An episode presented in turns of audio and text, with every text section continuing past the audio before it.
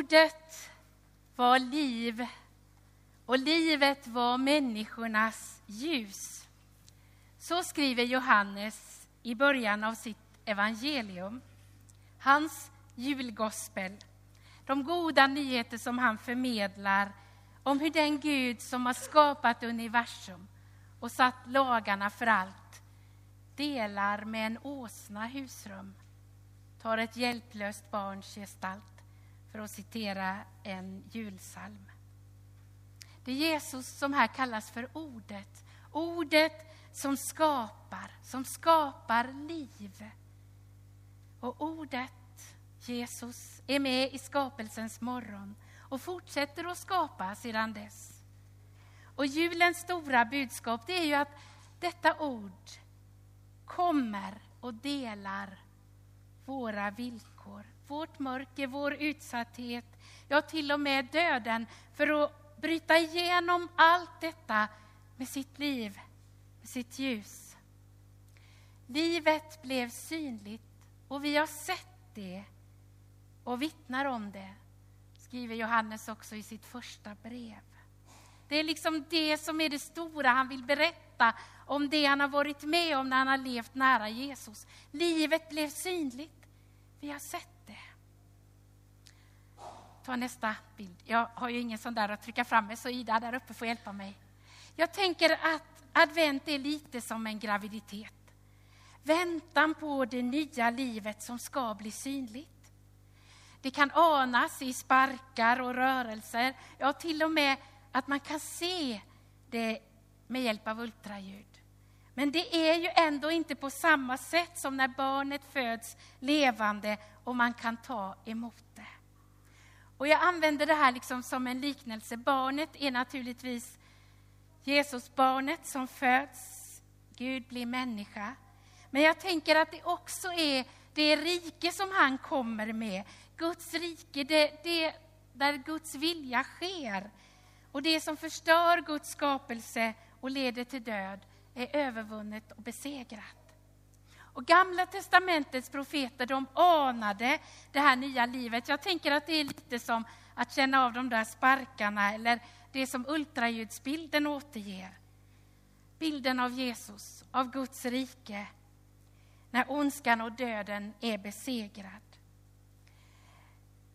Men de har det inte fullt ut ännu.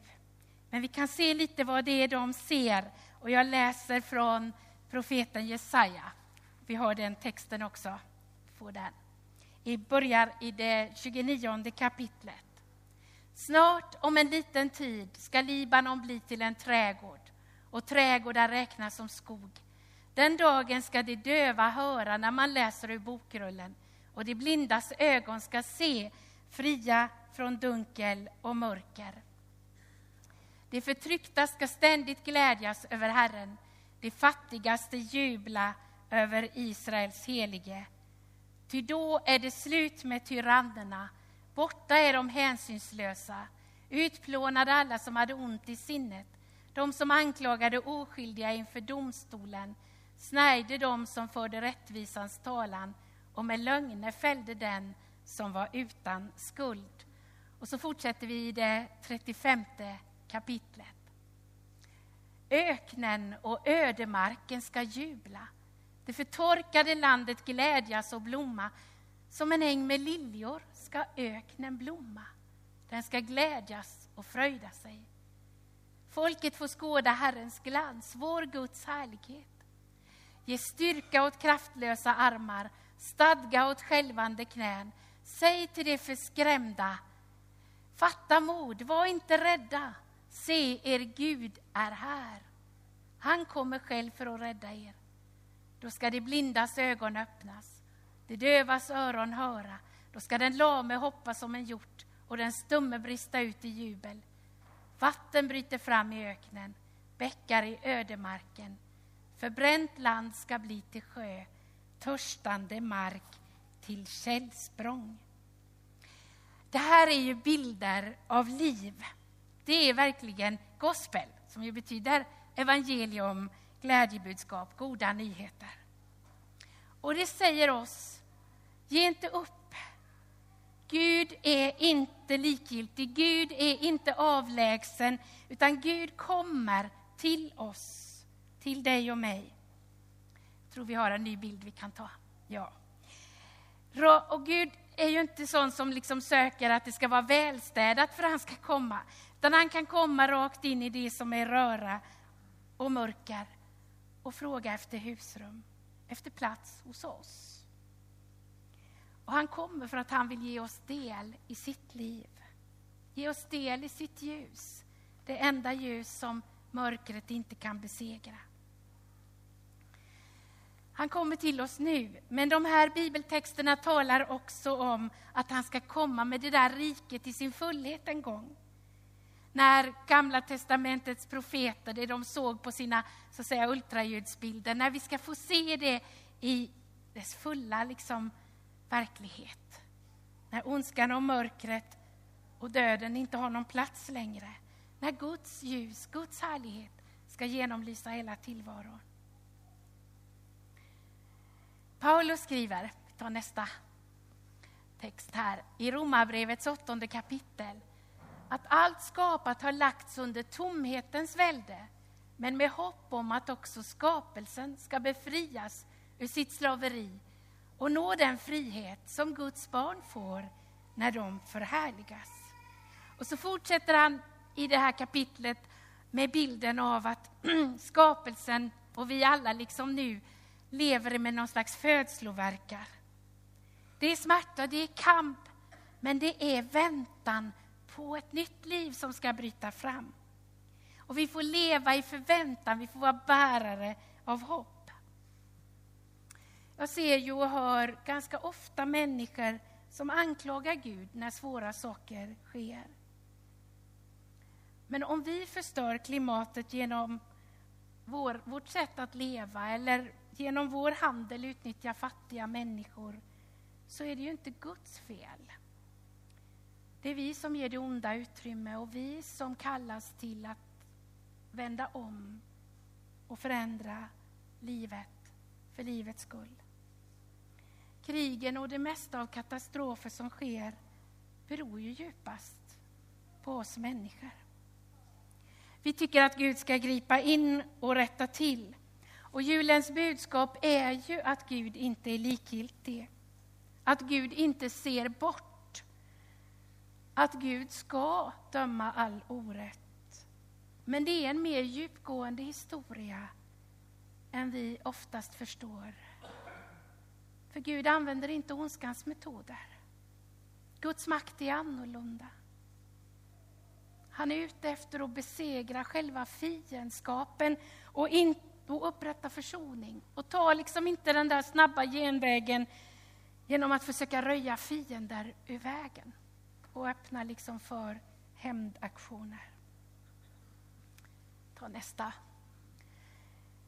När Gud blir människa som nyfött barn så drar han samman en helt osannolik samling redan från början. De unga, fattiga föräldrarna som inte ens hunnit gifta sig ordentligt, åtminstone Maria tror man ju var tonåring. Det var nog många som undrade hur ska de klara av det här? Men Gud litar på dem, anförtror sig åt dem. Där är lågstatusarbetande herdar och välutbildade högstatuspersoner som de vise från Östens länder. Vetenskapsmän och eller kungar. Och där är alla djuren. Där är änglar. Och det finns så mycket som vi kan stanna upp och tänka över när vi liksom placerar figurerna i julkrubban. Här är mötesplatsen mellan himmel och jord. Mellan Gud och oss människor. Och, lite, och här är mötesplatsen då mellan oss människor av väldigt många olika slag. Ta nästa bild. För lite senare i historien när Maria och Josef tar barnet Jesus till templet i Jerusalem så leder Gud två äldre människor dit för att liksom komplettera samlingen i krubban. Det framgår inte om de här två människorna som heter Hanna och Simeon kände varandra tidigare. För Gud leder dem oberoende av varandra så att de är precis på rätt ställe i rätt tid för att möta barnet Jesus. Båda två har under lång tid levt i Guds närhet, i bön och väntan på Guds handlande. Men det var inga enkla liv. Om Hanna står det att hon är 84 år. Som ung var hon gift. I sju år så dog hennes man och hon blev änka och sen har hon levt som änka. Och så tänker jag, den här samlingen. Vi kan tycka människor som är för unga eller för gamla, utanför i samhället som herdarna eller utanför i de fromma sammanhangen och det judiska folket som de vise från Östens länder. Det är sådana Jesus samlar när han kommer. Sådana som har gått igenom mycket som kan vara svårt. Och naturligtvis människor som lever i glädjen. Och så fortsätter det genom historien. Och djuren är också med.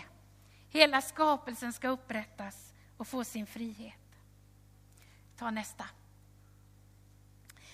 Jesus kommer för att ge liv. Och jag tycker så mycket om symboliken att vi firar jul när det är som mörkast och som svårast att få det att växa och blomma ute i naturen i vår del av världen. Då kommer Jesus med ett rike av ljus, av värme och liv. Han kommer liksom med förutsättningar att det hårda, det frusna, det kalla ska smälta.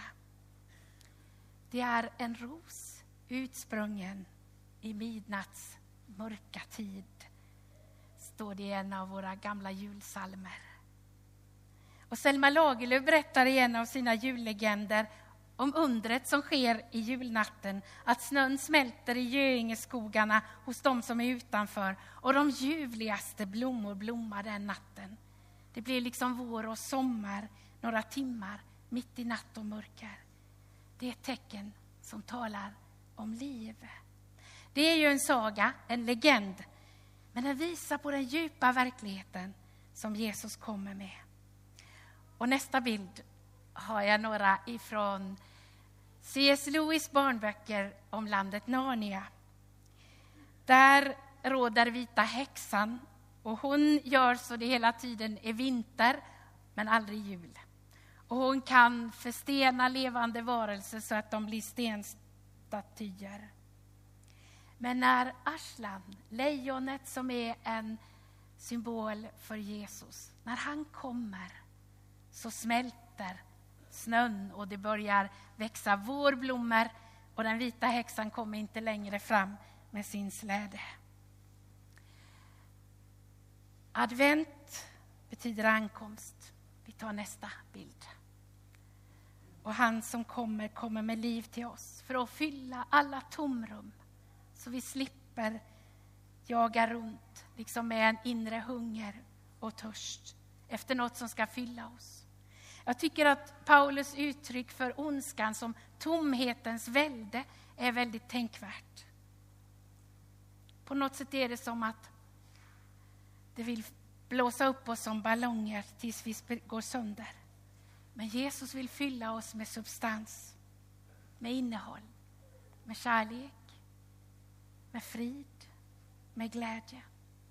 Och så lever vi både i uppfyllelsen att Jesus har kommit. Vi räknar vår tid efter hans ankomst och han kommer till oss nu idag.